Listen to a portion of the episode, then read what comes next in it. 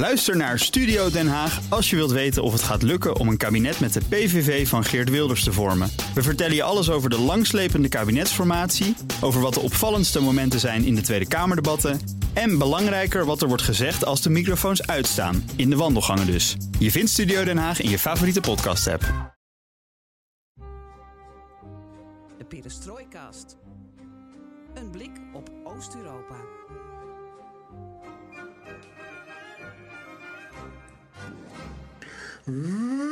Welkom bij PNR Perestrooikast, aflevering 157 van de enige podcast van Nederland die volledig oog voor het oosten heeft en geeft.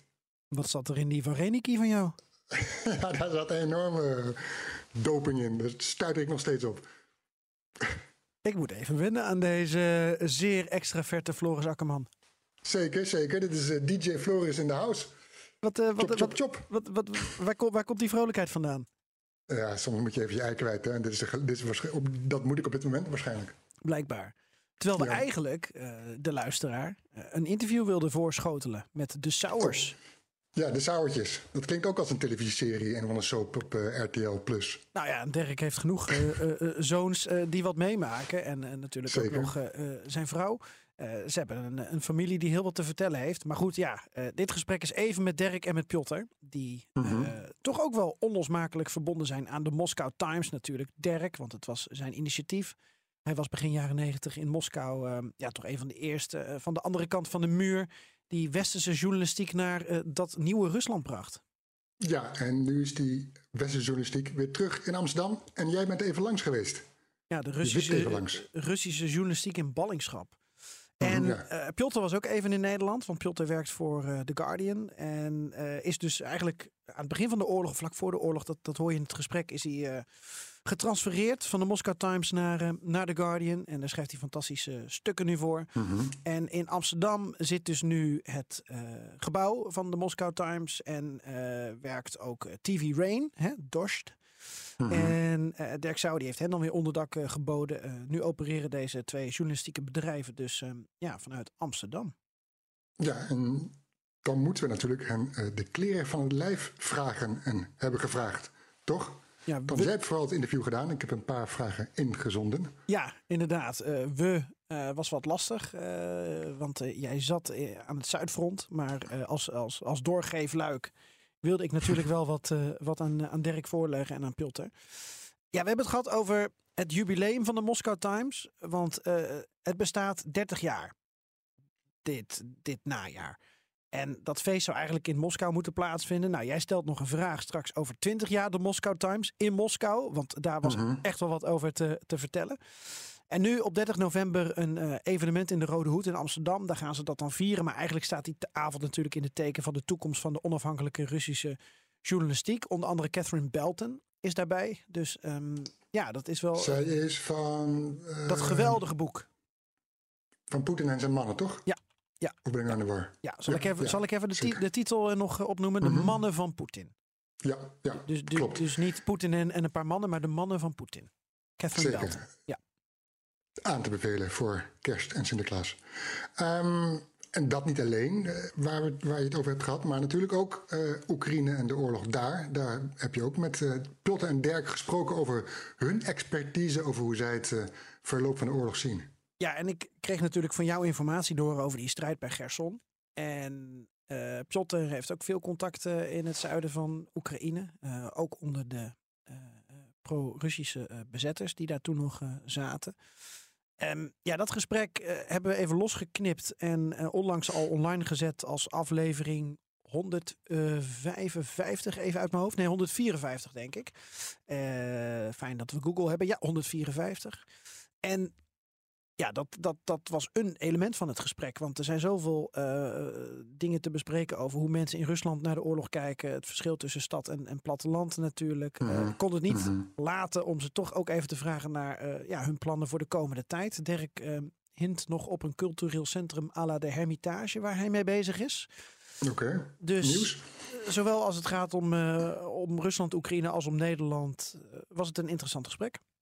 Ja, dat, dat geloof ik graag. Uh, uh, alles meegemaakt de afgelopen 30 jaar. Um, Dirk Sauer dan, zijn Piotr, zoon, uh, begin jaren 90 geboren. ook natuurlijk van allerlei historische gebeurtenissen meegemaakt. Ehm, ik was er niet bij bij het interview, maar ehm, eh, had je er een goed gevoel aan overgehouden, Geert-Jan? Althans had je hem alles kunnen vragen wat je wilde en gaven ze ook goed antwoord, eerlijk antwoord. Ja. Ja, ik denk het wel. Ik denk dat het eh, heel informatief was. eh, zoals de luisteraar van de Perestroikas graag, eh, graag hoort. Niet te veel Mhm. aannames, wat meer feiten, wel wat gedachtes. maar ook eh 30 jaar ehm, ja, Russische journalistiek, die natuurlijk nu weer een enorme achtbaan in is gegaan. Dus ik denk dat het Zeker. interessant is om hier naar te luisteren. Ja, lijkt me ook. In de Perestrooikast. En je weet het, alles ten oosten van de rivier de Elbe kan de komende weken, maanden, jaren in deze podcast besproken worden. Wow, wow, wow, wow, wow. Precies. Wat heel leuk is dat we heel sociaal en democratisch zijn. En abonneer je op ons zodat je geen aflevering hoeft te missen. Zoek ons op in je favoriete podcast-app. Hallo, ik hou van Salo. Ik ben Geert-Jan Haan. En ik ben Floris Akkerman. Dit is BNR Perestrooikast.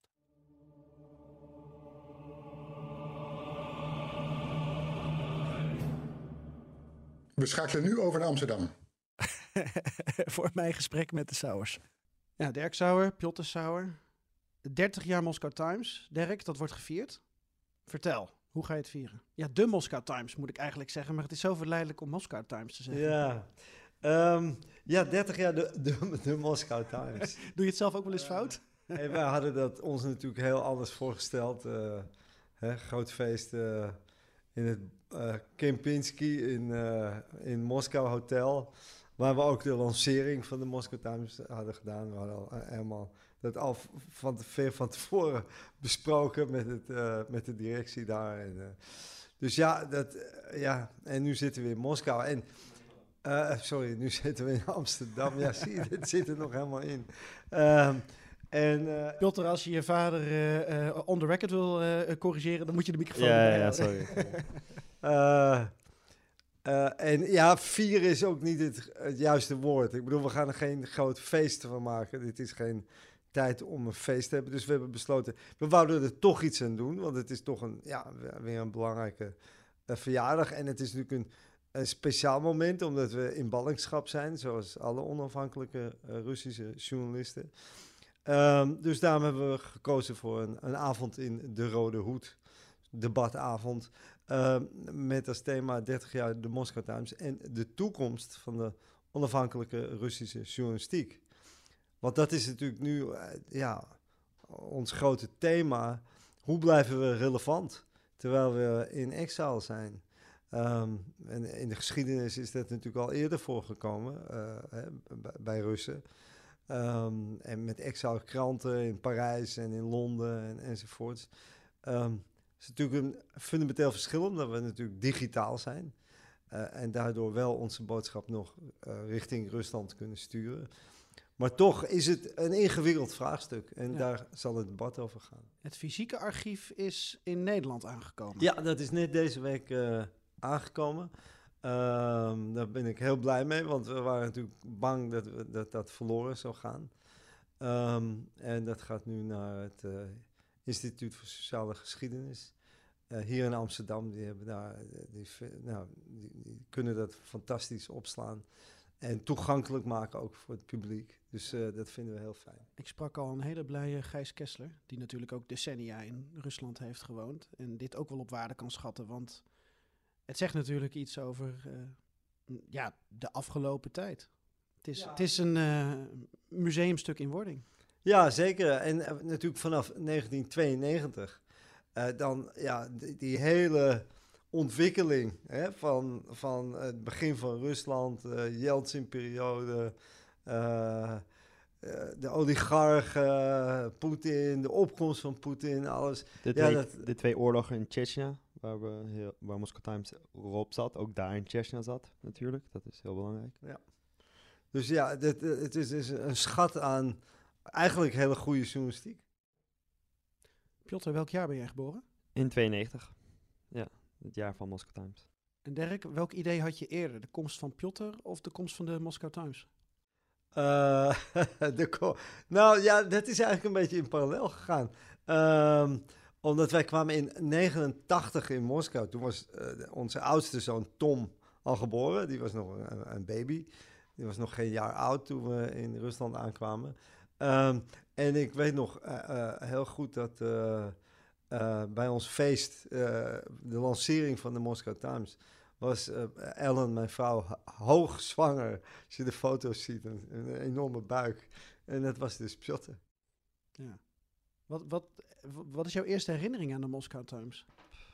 Ik denk dat die gewoon gepaard staat ook met eh, herinneringen van Rusland en van de jaren negentig. Eh, thuis werd er altijd over het nieuws gesproken. Eh, nog tijdens de Yeltsin-jaren natuurlijk gebeurde heel veel. Ehm, Het was vrij hectisch. Ehm, en ja, ik denk, ja, bij ons thuis stond het nieuws altijd centraal. Eh, en, en daarbij kwam natuurlijk de Moscow Times altijd bij kijken. Ja. Mijn, mijn dochter is bijna drie en eh, die ziet thuis microfoons liggen. Ze kan het woord microfoon ook zeggen. Ze snapt een beetje hoe het werkt. Had jij eh, op jonge leeftijd ook al door hoe het bij een krant ging? Nou, ik zag vooral veel kranten bij ons thuis. Hè. En dat was ook niet alleen de Moscow Times, waren ook eh, de Vedomosti, en, eh, een beetje de Financial Times van Rusland, maar ook Cosmopolitan en Playboy. Dus als kind was ik eigenlijk, eigenlijk altijd rond kranten. En uiteindelijk heeft dat misschien wel een impact gehad waarom ik zelf journalist ben geworden. Ja, want bij jou thuis ging het eigenlijk alleen maar over maar, media. ja. Je vader, je moeder, Ja, je groeide alle- ermee op. allebei journalisten. Dus eh, vanaf jongs af aan ja, werd ik, was ik heel geïntrigeerd door wat er gebeurt in Rusland. En vanaf welke eh, leeftijd of periode? Want jij hebt natuurlijk ook nog een, eh, een politieke of diplomatieke Ja, carrière ja. overwogen. Dus je bent een beetje gaan, gaan, gaan zoeken. Maar vanaf welk moment hield jij, hield jij je ook bezig met ehm, het vertellen van een bepaald verhaal? Want ja, dat is ook 30 jaar de Moscow Times op een bepaalde manier het verhaal vertellen. Ja, ik, ehm, ik vond het misschien eerst te cliché om, om hetzelfde gaan doen wat mijn ouders deden. Eh, ik wou misschien iets anders gaan doen, dus ik zocht dingen. Ik ging bij de ambassade werken, ik ging bij een political consultancy werken. Maar uiteindelijk eh past het allemaal niet zoveel bij mij. En ja, de dag dat ik bij de Moscow Times begon, dat was ook mijn eerste journalistieke baan.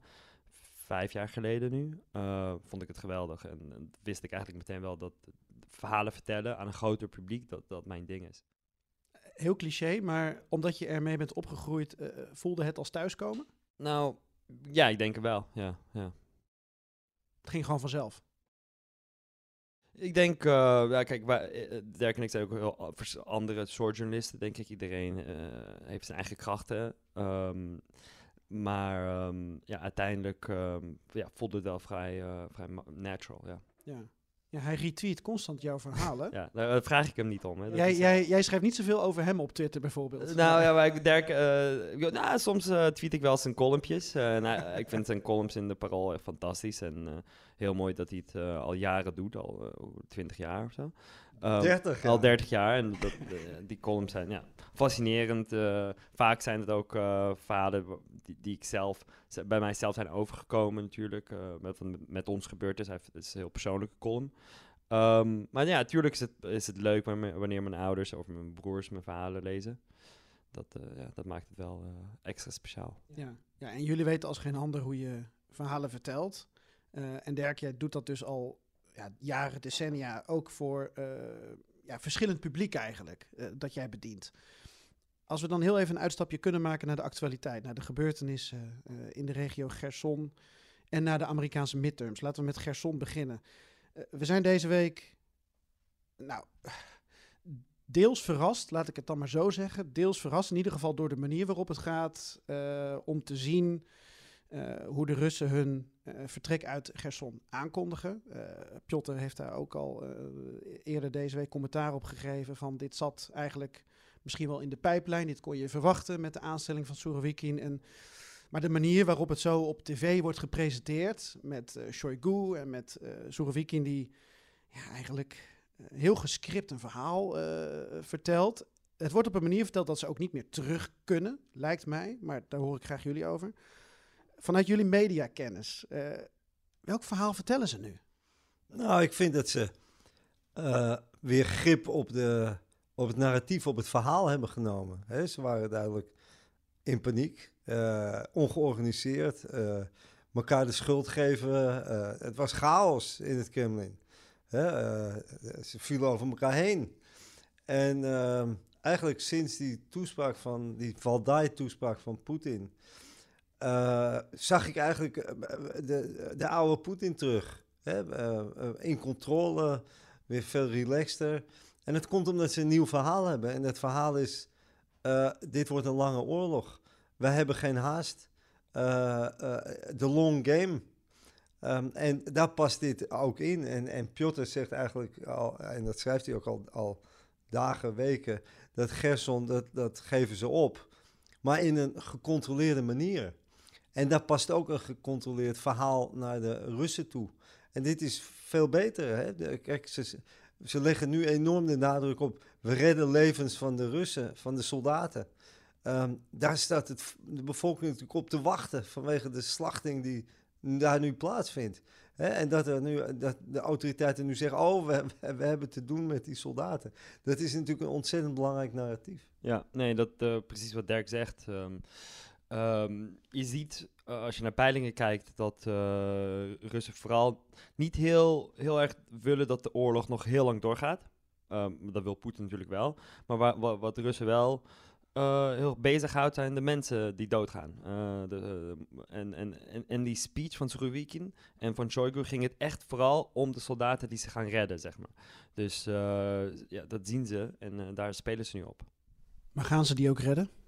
Nou, ik denk dat ze, ze hadden kunnen kiezen en als Poetin echt alleen maar met zijn hart dacht, en, maar, maar niet eh, praktisch, en maar uiteindelijk doet hij, is hij wel pragmatischer dan we dachten, zouden ze Gerson kunnen blijven en daar een slag van kunnen maken.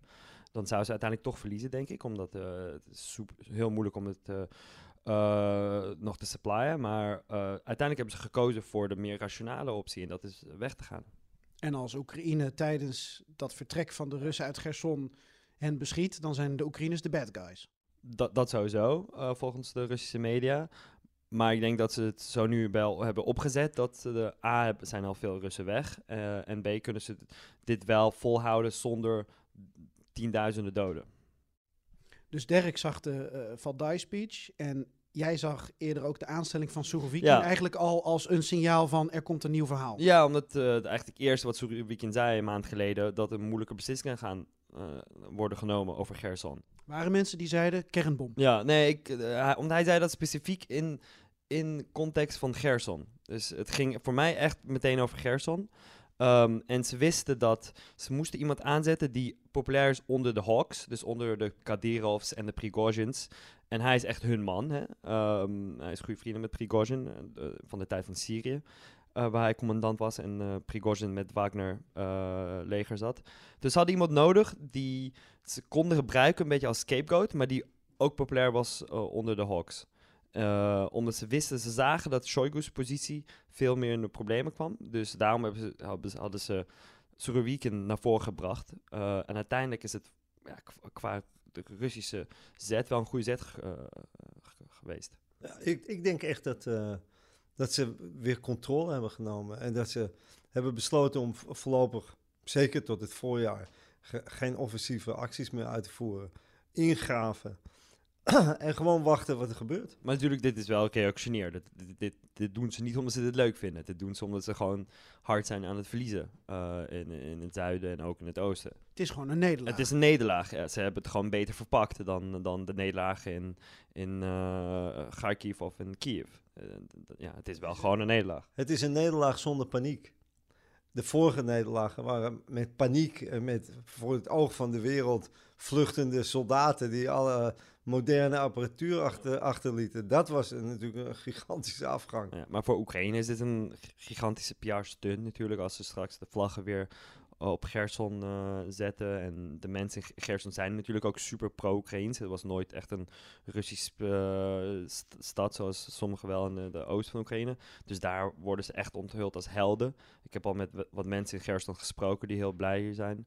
Dus ik denk voor, Gerson, eh, voor Oekraïne en ook voor het Westen is het wel natuurlijk een grote, grote overwinning. Ja, maar toch zijn er wel aardig wat Oekraïners die een beetje meegaan met eh, het verhaal van Zelensky nu ook. En nog niet helemaal durven te Ja. geloven. Ja, ik bedoel, het is, eh, lijkt een beetje too good to be true natuurlijk.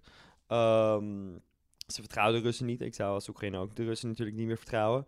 Maar eh, ik, ik zie nog niks dat aanwijst dat dit een trap is van Rusland. En zelfs als het een trap is, dan Oekraïne is slim genoeg om er niet in te vallen. Dus dan zou het een, een vrij, ja, stomme move zijn. Omdat de Oekraïne heeft, eh, heeft de beste intelligence van de wereld met Amerika. Dus ze zien precies of Russen wel of niet eh, wegtrekken. Maar heb je ook wel weer met verschillende gradaties natuurlijk. Hè? Je, kan, je kan het hebben over booby traps en mijnen. Ja, Je kan het hebben over eh, snipers. Je kan het hebben over beschietingen van afstand. Je kan het nog hebben over als de Oekraïners eh, de dam bij Novakachova Ja. weer in handen krijgen dat de Russen die gaan beschieten. Je kan een, een ramp op en een hinderlaag op hele kleine schaal zien en op hele grote ja schaal. tuurlijk. Ik denk, we gaan wel wat ehm, verrassingen zien die de Rusland gepland heeft. Maar, maar ze gaan wel nu hun troepen uit Gerson halen. En dat hebben ze al eigenlijk al gedaan. En de, de, de, de hele administratie van Gerson is weg natuurlijk. De Stremousov is eh, gisteren overleden onder hele rare omstandigheden ook. Verkeersongeluk. Is eh, het nieuwe uit het raam vallen. en, Ehm, eh, ik heb op foto's alleen één auto gezien, niet de andere auto's. En ik ben niet van de conspiracy theories, maar ehm, ja, het is wel raar dat zo'n man die zich heel fel heeft uitgesproken tegen het overgaven van Gerson natuurlijk. En zelfs gezegd heeft dat Shoigu zichzelf moet eh, vermoorden. ehm, Door het hoofd schieten. Door het hoofd schieten. Ik denk dat ehm, ja, misschien eh, de, de Russen dachten genoeg, we hebben zo'n persoon niet meer nodig. En hoe, ehm, hoe berichten jullie hierover? Want eh, je hebt de Russische staatsmedia. eh, jij schrijft nu voor The Guardian. eh, nou, Dirk, je hebt Moscow Times, maar je hebt ook natuurlijk hier in huis Dorst zitten. Die heb je binnengehaald eh, op een hele nobele manier. Zijn er echt heel veel verschillende verhalen? Of is het heel duidelijk het Russische staatsnarratief en de onafhankelijke journalistiek? Zijn het die twee kampen? Ja, denk ik wel. Ik bedoel, er zijn altijd natuurlijk nuances. Want kijk, hier zit dan de Russische eh, eh, eh, editie van de Moscow Times. En ehm, die schrijven to- toch ook heel veel gewoon over wat de oorlog voor de Russen betekent. Hè? De economische impact, eh, dagelijks leven. ehm, dingen waar je in The Guardian of andere internationale media iets minder over leest. Daar gaat het meer over geopolitiek en de oorlog zelf. Ehm, maar, maar goed, onze lezers in Rusland, die zijn natuurlijk vooral geïnteresseerd, eh, ook, ook eh, hè, wat, wat betekent het voor, voor ons? Hè, en, en de sancties en, en, en bedrijven die wegtrekken. En, gaat het nou economisch echt slecht of gaat het niet slecht? Eh, Daar is een hele discussie over. Ook maar Ehm, hoe je het meet of hoe je het ervaart. Precies, precies. Dus dat zijn thema's die wij ook heel nadrukkelijk eh, aansnijden bij, bij onze Russische eh Moscow Times. Ja. En jij bent weggekocht. Ja, ik ben als eh, net voor de oorlog eh, de switch gemaakt. Ja, maar Moscow Times is echt een beetje zo'n eh, training ground. Het is een beetje de Ajax van, van journalistiek. Je begint daar als, als jonge journalist. En je wil uiteindelijk die stap naar een eh, buitenlandse krant maken. En wat is The Guardian dan? Manchester United? Eh, Of, eh, Arsenal. Arsenal? niet zoveel geld zoals de andere, maar wel speelt mooi voetbal. Nou, ik weet niet. Maar ehm, nee, als je kijkt naar de alumni network van Moscow Times, dat is gewoon fantastisch. Ik bedoel, je hebt eigenlijk in elke grote krant in het buitenland heb je een Moscow Times alumni. Van Alan Barry en Thomas de Waal in de jaren 90. En nu heb je Max Sadden, eh, Alec Loon. Eh, eh, je, je kan, nog- je kan uren doorgaan. met, eh, Carlotte ja. Gol, Carlotte. Dus het is gewoon... Catherine Belton. Ja, en dat maakt, Ja, die komt ook naar de Rode Hoed. ja, dat maakt de Moscow Times zo speciaal natuurlijk. Dat je daar... Ja, je begint daar, je krijgt de kans daar om het te laten zien. En, en als je het aan kan, dan word je, word je meestal wel weggeplukt. Ja. Voelen jullie nu allebei ook ehm, journalisten in ballingschap? Media-ondernemer in ballingschap? Zeker, Ja. tuurlijk. Ja, maar ik bedoel, wij horen in Moskou te zijn. Ik bedoel, er staat een lege newsroom. Er staan heel veel lege newsrooms, ook van Dorst en van anderen. Eh, en daar horen wij natuurlijk te zitten. Ehm, dus eh, wij, ja, wij, zijn, wij zijn tegen onze zin, zitten we hier. Zo simpel is het. Zagen jullie dit punt? Nou, op een gegeven moment eh, onderga je het. ehm, maar ik vroeg me af of je, dit, of je zoiets ziet aankomen. Dat de, de journalistiek de afgelopen jaren, de Russische journalistiek, al, al deels in ballingschap moest functioneren. Eh, de Bel- Belarussische journalistiek natuurlijk ook. Ehm, tegelijkertijd in exile, het voelt als iets van vroeger. Het voelt bijna iets romantisch. Ehm, maar ik weet ook, Piotr, dat jij vorig jaar een verhaal hebt geschreven over eh, Georgië, waar je was. En toen eh, de, de politieke emigrees hebt gevolgd. Ja, eh, voelde je dit toch aankomen? Ik had niet verwacht dat het zo snel zou gaan. Maar het moment toen de oorlog was begonnen, toen wist ik wel dat dat onze positie hier niet meer mogelijk zou zijn. Uh, vooral voor de Russische journalisten. Um, toen, toen ze die fake, uh, fake news law hebben ingebracht en andere wetten, toen zag ik wel snel dat het eigenlijk niet meer mogelijk zou zijn. Um, als buitenlandse journalist, dus als iemand die geen Russisch paspoort hebt, uh, kan je op dit moment wel werken in Rusland. Als je de juiste accreditatie krijgt van de overheid. Uh, daar wacht ik op op dit moment. Maar als Russische journalist is het gewoon levensgevaarlijk. Die, die kunnen daar niet meer zitten. Er schuilt natuurlijk een enorme ironie in. Hè? Het is eigenlijk net als in de Sovjet-tijd. De, in de tijd van Stalin en Brezhnev en zo. Dat buitenlandse correspondenten nog wel kunnen werken in, uh, in Moskou. Uh, maar Russische journalisten helemaal niet. Hè? Dus uh, ja, dat is een hele rare tegenstelling. Vind je het goed dat hij probeert terug te gaan? Uiteraard, ja. ja ik zou doorgaan zelf ook. Ik zou dolgraag zelf ook teruggaan. Maar jij bent toch een buitenlander? Ja, klinkt heel stom dat ik het ja, zo zeg. Ja, maar, kijk, ik ben natuurlijk... Uh, wij zijn allemaal foreign agent. Um, uh, dus wij liggen onder het vergrootglas. Er wordt over mij heel veel geschreven in staatsmedia. Uh, de man die de financier zou zijn van alle onafhankelijke media. Uh, dus op zich ook alweer een compliment. Nou ja, ja, compliment, maar het is geen aanbeveling om uh, het vliegtuig terug te nemen. Nee, maar is dat omdat je daar dan je werk niet zou kunnen doen of omdat je daar niet veilig zou zijn? Beiden. Ja. Ja, ja voor Dirk is het geen goed idee om terug te gaan. Dat is zeker. Uh, omdat hij niet onder, onder de protectie van een buitenlandse krant daar naartoe zou kunnen gaan met de accreditatie. Uh, ja, voor hem is het geen goed idee, zeker. En voor jou? Als, als, ik, als ik de papieren krijg van, van uh, Zagara, van het ministerie van Buitenlandse Zaken, dat ik daar werk. Mijn collega Andrew Roth zit daar wel. Dus als ik die papieren krijg, dan wel. Zonder die papieren is het voor mij ook te gevaarlijk om terug te gaan. Wat is dan het eerste dat je weer gaat doen?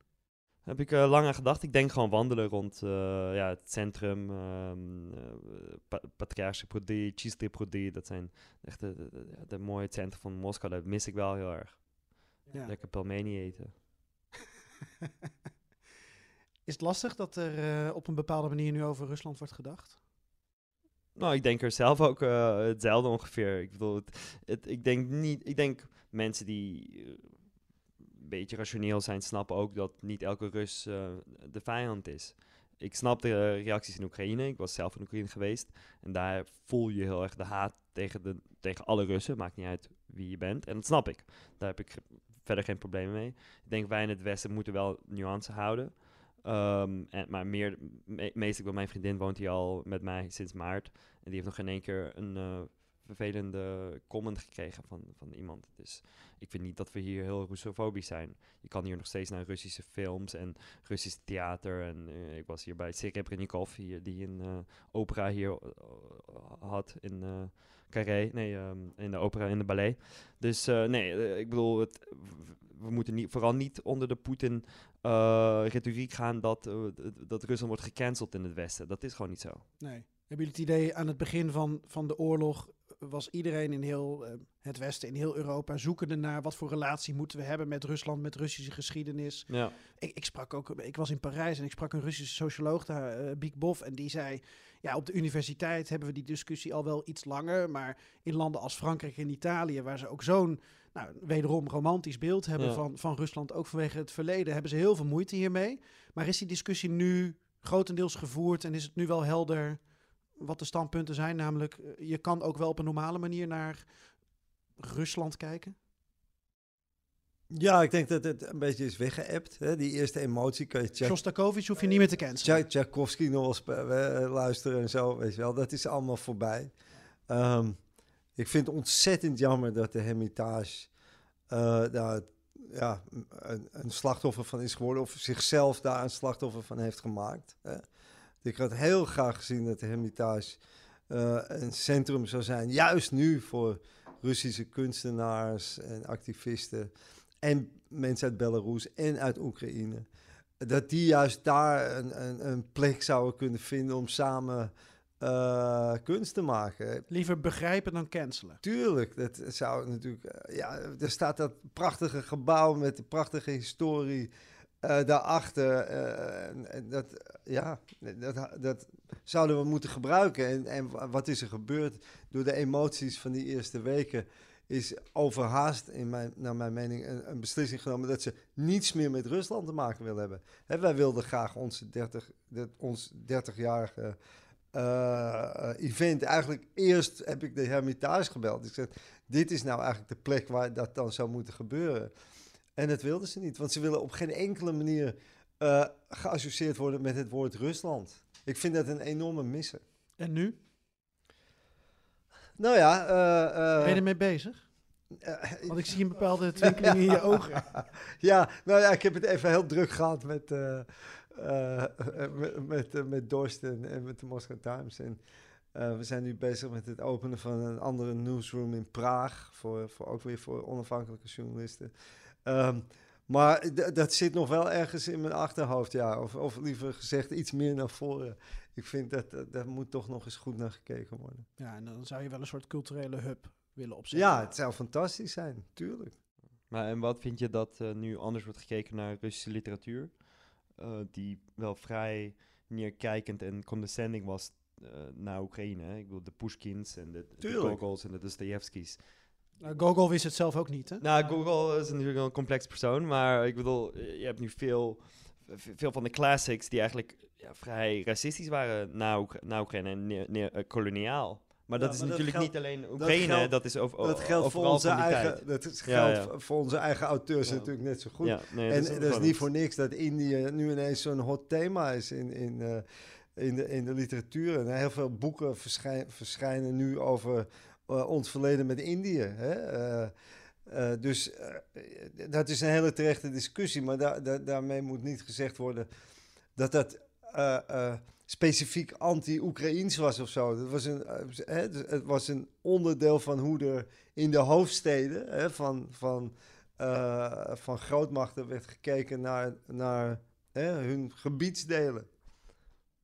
Maar het is wel, als je het iets anders bekijkt, eh, is het wel voor eh, met name mensen met minder kennis van, van Rusland en Oekraïne heel erg nuttig. Ook om bijvoorbeeld de boeken van Nino Hartishvili te lezen. Tuurlijk. Die schrijft over Georgië in de jaren negentig. Ja. En je ziet een playbook en je ziet ook eh, hoe daar een bevolking zonder stroom zit bijvoorbeeld en zonder water.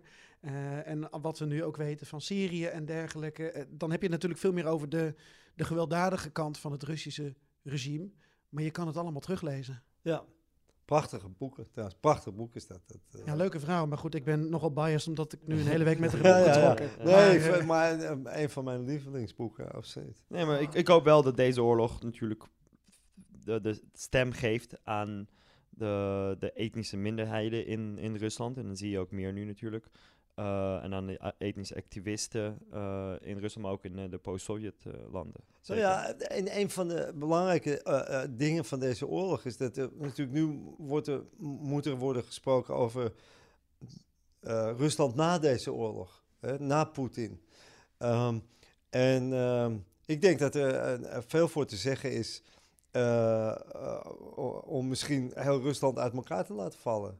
Eh, zodat eindelijk de eh, almacht van Moskou, van het Kremlin, wordt gebroken. Eh, want da- daar zit toch een groot deel van het kwaad. Terwijl Rusland is natuurlijk zo groot, groot zelfs hè, de Sovjet-Unie was gigantisch, maar zelfs Rusland is nog steeds gigantisch.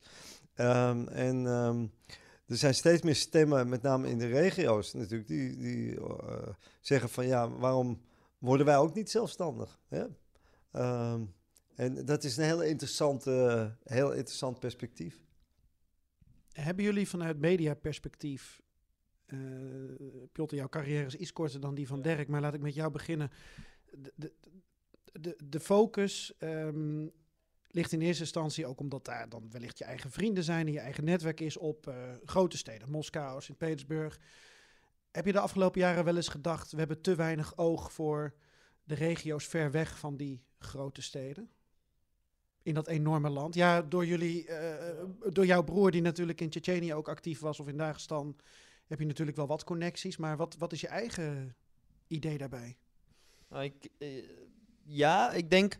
ehm, dat is eigenlijk nu de grote vraag onder heel veel Russische journalisten. Hebben wij het, het normale volk niet goed bege- begrepen, natuurlijk?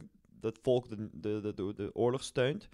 Ik denk dat het vooral zit in eh, in de kleinere steden. Dus eh, de, de, de- je hebt in Rusland eh 10 of 15 miljoen steden, met, met een, meer dan 1 miljoen.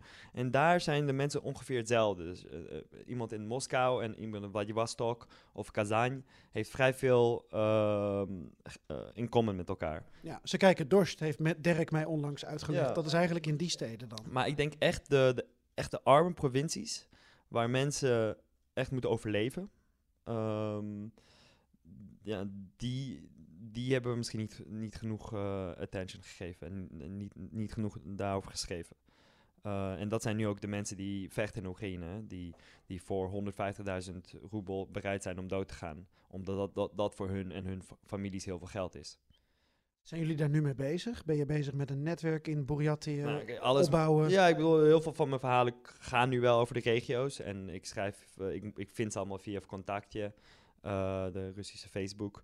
Ehm, dus ja, dat, dat is belangrijk om natuurlijk over te schrijven. En, ik zet me op dit moment heel erg in voor een nieuw eh, project. Dat heet Nigavarit Moskwa. Dus eh, niet Moskou spreekt. Ehm, en dat is een, netwerk van regionale journalisten. Die, eh, veel daarvan zijn ook hebben moeten vluchten. Eh, in, in steden als Omsk en Tomsk en Tula en, en, enzovoort enzovoort. En die hebben nu eh, een, een nieuw platform opgezet. Er is al een Telegram-channel. We bouwen op dit moment ook een website voor ze. Ehm, eh, en en dat, is, dat is iets wat ik ongelooflijk belangrijk vind. Hè? Want eh, ja, hè, Moscow Times, Doors, Medusa, hè, die, dat, dat loopt wel door. En, en, en eh, wij zijn natuurlijk allemaal er- eh, Moskou ge- georiënteerd. Maar die, juist die journalisten uit de regio's. En als je dat, dat Telegram-channel van. eh, dat bestaat nu een paar weken. eh daar staan ontzettend interessante stukken op. eh, over gewoon dingen die in die provincies gebeuren. Eh, het zijn van kleine verhalen, maar zijn heel erg. eh, het zegt heel veel over hoe het leven daar is. Ehm, en eh, dus ik, dat is eigenlijk waar ik op dit moment heel veel tijd aan besteed. Je zou toch ook wel je connecties willen uitbouwen in, eh in Tuman of de Jamalië, waar nu volgens de verhalen eh, ook uit Gerson eh Oekraïners naartoe worden gedeporteerd. Ja, nee, dat is zeker een fascinerend verhaal. Eh Oekraïners die naar Vladivostok worden gedeporteerd. Of kinderen die uit de huizen worden meegesleurd naar, naar Rusland. En daar worden ze dan om, omgepropagandeerd om, om Oekraïne te haten. Dat zijn hele enge, verschrikkelijke verhalen. Ehm, en daar zou ik juist graag in Rusland willen zitten om naar die mensen naartoe te gaan, fysiek en met ze te praten. En ja, dat is jammer dat ik dat op dit moment niet kan doen. Ja. Hoe lang ben je nu journalist, Piotr? Uh, jaren vijf? Is Ja. het Vijf, zes, ja, zoiets. Bizar eigenlijk dat je dit nu zo meemaakt. Ja, ik heb... eh, het is natuurlijk verschrikkelijk voor de wereld. En ik had het natuurlijk liever niet gehad, maar ik heb wel twee gigantische verhalen kunnen vertellen. Dat is de coronavirus en, het, eh, en, eh, deze oorlog. Er zijn twee, misschien wel eh, een van de grootste verhalen sinds de Tweede Wereldoorlog, hè, allebei. Dus eh, qua journalistiek heb ik eh, het heel druk, ja, inderdaad. En kun jij beschrijven wat de Moscow Times nou voor een deel van de Russen betekent? Ehm, nou, kijk, eh, natuurlijk ehm, in de jaren negentig was de Moscow Times in het Engels. Dat was echt een krant waar Russen hun eh, leerden. eh, voor, laten we eerst beginnen over wat het betekent voor Russische journalisten. Het heeft echt, het was echt een plaats waar Russische journalisten leerden hoe wij in het Westen schrijven.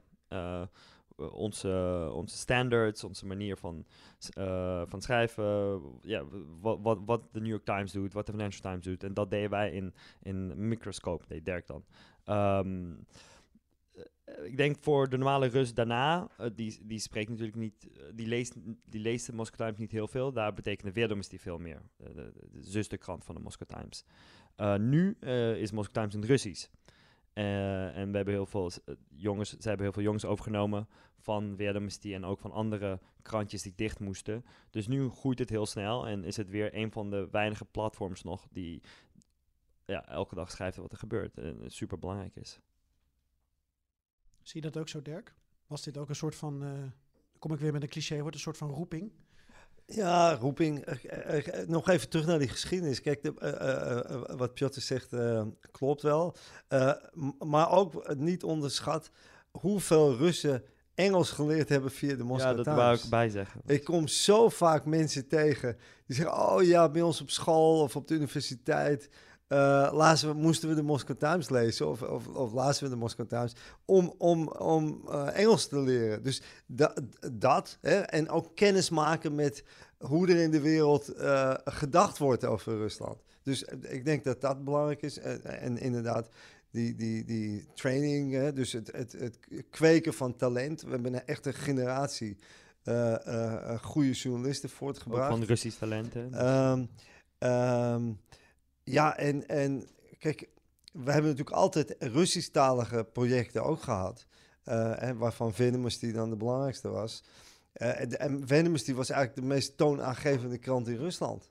Zo simpel ligt het. Een zakenkrant. Een, z- een, hele zakenkrant. Ja, een hele goede zakenkrant. En, en echt een zeer invloedrijk. En dat is natuurlijk ook de nek weer omgedraaid. Dus eh, eh, een groot deel van die mensen zijn weer nu actief bij de Moscow Times eh, Russische versie. Ehm, dus ja, het is gewoon, je probeert het vlammetje, hoe klein het ook is, eh, van de onafhankelijke journalistiek brandend te houden. Dat is, eh, ja, is dat een missie? Ja, ja dat is een beetje een missie. Ik denk, ehm, eh, Rusland heeft ons enorm veel gebracht. Hè. We- we- we hebben daar natuurlijk een prachtig bedrijf kunnen opbouwen.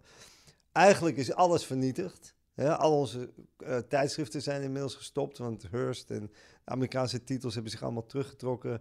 Venomous die is onder het juk van het Kremlin terechtgekomen. Eh, nou, noem maar op. Er is eigenlijk nog maar één titel die over is gebleven. En dat is de titel waar we mee zijn begonnen. De Moscow Times. Eén vraag nog. We, hebben we nog vijf minuten, weet je ja, dat? ja, ja. Eén vraag nog die eh, Floris had. En die, die, hij vroeg of ik hem aan jullie wilde stellen. Want tien jaar terug had je eh, het twintigjarige jubileum van de Moscow Times. Nou, dat kon je wel als een feest vieren.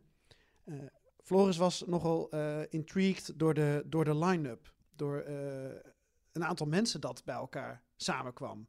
Bij het 20-jarige bestaan van de Moscow Times werd er een gala-diner gehouden.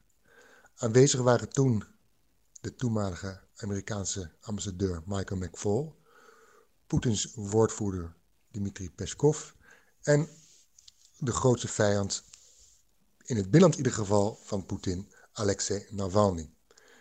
Hoe ging dat bij elkaar, die twee bij elkaar in één ruimte? Ontliepen ze elkaar of hebben ze elkaar toch nog gesproken?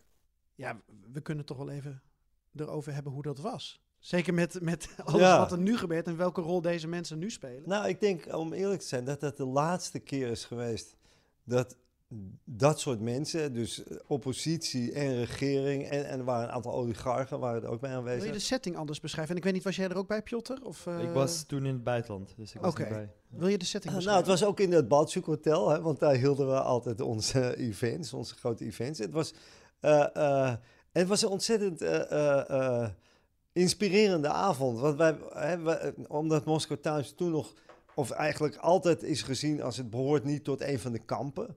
Hè, het is een, een, een, eh, omdat het natuurlijk Engelstalig is en, en eh, onafhankelijk. En, en, we waren zowel kritisch naar Navalny toe als, als naar Poetin toe, hè, zou ik maar zeggen. Ehm, en, ehm, en we hadden daar een avond georganiseerd. En dat kwam ook een beetje tot onze eigen verbazing. Want eh, de polarisatie was toen natuurlijk al in volle gang. Maar er kwamen dus gewoon de mensen van de oppositie, de mensen van de regering en de oligarchen allemaal tezamen in één ruimte. Ehm, en ik denk dat dat echt de allerlaatste keer is geweest dat bijvoorbeeld Navalny met Peskov eh, eh, en, en ik geloof dat Gromov was er ook nog bij, die nu deputy chief of staff is, eh, en, en Oesmanov en dat soort types, in één ruimte zijn geweest. Dat kon toen nog, maar daarna is dat natuurlijk, was het volkomen ondenkbaar. Dus, en het gaf ook wel aan het belang van de Moscow Times, dat die mensen dus de moeite namen om naar zo'n avond van de Moscow Times te komen. Hebben zij ook Engels geleerd door de Moscow Times? nou, sommigen zeker, sommigen zeker. Oesmanov heeft toch een Engelse voetbalclub gehad? Die het Arsenal. Arsenal, Ja, gelukkig eh, niet meer. Nee. Nee, ja. Wat eh, denk je bij zo'n verhaal? Van... Ja, dit van tien jaar terug. Nou, eh, Rusland verandert zo snel. Ehm, en eh, dit, dit was één plaatje. maar zelfs met mijn journalistiek, ik de laatste vijf jaar, is Rusland niet normaal snel veranderd. Als ik kan herinneren dat ik bij Navalny-protesten was, waar Navalny sprak voor 50.000 man, dat, dat kan je gewoon niet meer voorstellen in uh, het Rusland van vandaag, waar één persoon die naar buiten komt, kan al tien jaar gevangenisstraf krijgen voor het protesteren tegen de oorlog. Dus het is heel snel gegaan hoe het land van een autocratie naar een echt een dictatuur met fascistische trekjes is gegaan. En dat is wel heel uh, ja, verschrikkelijk. Het is journalistiek super interessant. Dat maakt het zo, zo ambigu af en toe, hè? Ja, kijk, ik, ik, ik weet nog goed dat, dat uh, eh, 15 jaar geleden een collega tegen mij zei... van nou, het, het verhaal is nu wel over. Ja. Eh, heel veel mensen zijn toen ook weggegaan. van ja, dit is journalistiek niet meer interessant. Hè? Uh, maar elke keer verrast Rusland ons. Helaas de afgelopen 15 jaar uh, op een negatieve manier. Uh, maar het, uh, ja, het verhaal is natuurlijk altijd heel bijzonder geweest. En, en, en dat maakt het ook zo voor ons zo interessant om daar te zijn. Want je stond natuurlijk, ja, ik dan vanaf 1989 heb letterlijk met mijn neus op de geschiedenis gestaan. Ehm, ja, en als journalist, ehm, ja, wat wil je dan nog meer? Ja. ja, en het grappige is dat afrondend dat je nu... Uh, je gaat wel helemaal mee ook in de moderne tijd. Want de manier waarop jij uh, contact constant hebt via sociale media met mensen in bezette gebieden in Oekraïne, dat geeft alleen al aan dat, dat journalistiek ook verandert. maar nog steeds ontzettend waardevol is. Alleen ja, je hebt een ander contact met je bronnen. Ja, nee, het is een totaal andere wereld nu natuurlijk. En je moet meegaan met tijd. Gelukkig, ik ben jong, dus voor mij was het niet heel moeilijk om dat, die hele Telegram-wereld te, te, te, te, leren. Het is wel een ander idee van waarheidsvinding. Dat is dan wel weer fascinerend. Ja, en ik denk de grote vraag nu voor ons, de grote challenge, uh, vind ik, tijdens deze oorlog, is om objectief te blijven. Uh, omdat je hebt natuurlijk, je weet dat Rusland Oekraïne is binnengevallen. Je hebt een goede kant en een slechte kant. Maar je moet objectief blijven. Je moet niet proberen een kant te nemen, omdat dat is niet, dat is niet het werk van journalistiek, uh, vind ik. Um, en natuurlijk, uh, niet alles wat Oekraïne zegt is, is 100% waar. En, daar moet je kritisch op blijven. Um, ik denk voor Russische journalisten is die discussie ook heel uh, relevant, omdat sommigen nemen meer een activistische kant, en dat snap ik ook. Uh, maar als buitenlandse journalist, journalist, moet je echt proberen zo, ja, zo, zo objectief mogelijk te blijven en echt de feiten blijven houden. Nou, een deel van dit gesprek, van deze discussie, zal denk ik in de rode hoed aan bod komen. Ja, we gaan deze discussie absoluut voortzetten. Uh, en, uh, Doe even de promotie, Derek. Nou ja, dus op 30 november, 30 jaar de Moskou Is het echt op 30 november opgericht? Om heel eerlijk te zijn, wat eerder. Maar door, door al het gedoe is het wat vertraagd. 2 oktober was de echte datum. En wat was jouw geboortedatum? 3 december. Ah, okay. Vandaar dat, die, dat ja. mijn vrouw hoogzwanger was. Van, uh, Uiteraard. Even te fact-checken. ja, ja, ja, nee, het klopt allemaal. Uh, 30 november in de Rode Hoed. Catherine Belton is erbij. Ja, nee, Catherine Belton komt uh, virtueel tot ons. Piotr is er natuurlijk bij. Misha Fiesman, de belangrijkste anker van, van Dorst. En die heeft net een, een geweldig boek geschreven over, eigenlijk over die afgelopen 30 jaar. Eva Hartog, natuurlijk, uh, oud hoofddirecteur. Misha Fiesman, ook oud hoofddirecteur van de Moscow Times. Um, Twan doet die avond. Twan Huis presenteert de avond. Femke Halsema opent de avond. Dus het is een, een, een hele goede line-up. Veel plezier, alvast. En dank voor jullie tijd nu. En uh, Piotr, succes met je accreditatie. Dankjewel. Wanneer weet je meer? Ze zeggen zdietje. Dat betekent wacht. ja. Ik ben een doen. Dat is de, de, de, ik weet niet of je weet wat een doen is. Ja, Zo'n ja. meme. Uh, dat ben ik op dat moment. Zo'n poppetje Ja. die wacht. Nou, we wachten met je mee. Dankjewel. Dank je. En dat was een interview met de Sauertjes. Dirk Sauer en Piotr Sauer. Het is inderdaad echt SBS 6 waardig. ja, dat zeg ik. Ik weet niet of ze er ooit over hebben nagedacht. nou, uh, nou, nou hebben de, de, de Sauers natuurlijk ook um, uh, andere magazines uh, uitgegeven die hier misschien ook niet zouden misstaan. Ik bedoel, Ellen uh, Verbeek was natuurlijk de hoofdredacteur van de, van de Russische versie van de Cosmopolitan en heeft wel meer dingen gedaan die misschien wat meer op dit gebied um, zouden uitkomen. Maar, komt natuurlijk weer Bauer en Sauer. De Bauertjes en oh, Sauer. Zou dat het Daar, zijn? Ja, dat schiet me opeens niet te binnen. Ik denk niet dat, dat, dat de Sauers op een woonwagenkamp wonen. Maar ik vind het wel leuk hè, dat ook zo'n Piotr, de ambitie spat er vanaf. En dan heb je natuurlijk een, Mhm, een, familie eh, die alles heeft meegemaakt op mediagebied. En je zou kunnen denken van, ik, ik ga totaal iets anders doen. Wat eh, Tom bijvoorbeeld ook, eh, ook heeft gedaan. Maar ja, hij heeft een bepaalde ambitie. En hij is hartstikke goed als je zijn stukken leest en zijn bronnen bekijkt. Dus ja, ik, ik vond het wel leuk. Ik kreeg er wel niks- energie van. Niks tegen te brengen. Wat, wat, is jouw vader ook journalist geweest? Nee, die wilde wel ooit geloof ik in de journalistiek, maar ja, heeft het toch niet gedaan. Wat dan? Hoe bedoel je wat dan? Nou, wat, wat, wat deed hij dan? Nee, hij wilde het misschien, hij dacht erover na, maar hij heeft het toch niet gedaan. Ja, maar wat ben jij? Ben je zoon van een houthakker, van een eh, eh, architect, van een... eh, ik ben zoon van, ja, gewoon van, van, van mijn vader. Oké. Geen details over eh, papa Akkerman. Nee, dat houden we privé. Oké. Nou, rest mij om eh, je veel plezier te wensen als luisteraar met onze andere podcasts. Eh, er komen er nog een paar aan eh, dit jaar ook, al is het jaar al bijna voorbij. Maar we hebben nog iemand die iets heeft ingesproken voor ons. Chop, chop, chop, de mop. Kom maar in, Joost. Ja, er zit een, eh, Russische mobilisant eh, voor de rechter die eh, opgeroepen is om naar Oekraïne te gaan en hij wil niet. Dus moet hij voor de rechter verschijnen als een dienstweigeraar. En zijn advocaat zegt, ja, mijn cliënt wil niet naar Oekraïne. Waarop de rechter zegt, ja, maar wat is dan zijn motivering daarvoor? Nou, zegt hij dat hij al een keer geweest is. Hij is al in Oekraïne geweest, heeft er al gevochten. Goed, zegt die rechter. En, eh, en kunt u dat bewijzen? Eh jazeker, zegt die eh, advocaat. Hij heeft een toiletpot thuis staan. Goeie. Mooi. Zo eindigen we toch weer in de play. Ja, trek maar door. Kunnen we toevoegen aan de playlist. De vele moppen van eh, Joost eh, Bosman. Toch leuk dat hij telkens weer nieuwe weet te vinden.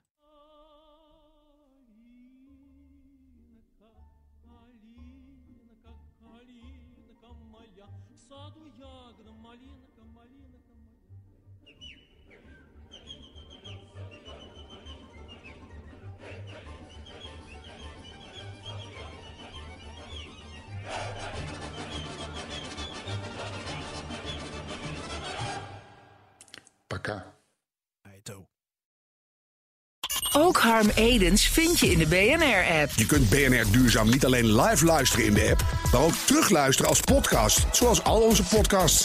En naast dat de BNR-app Breaking News meldt, houden we je ook op de hoogte van het laatste zakelijke nieuws. Download nu de gratis BNR-app en blijf scherp.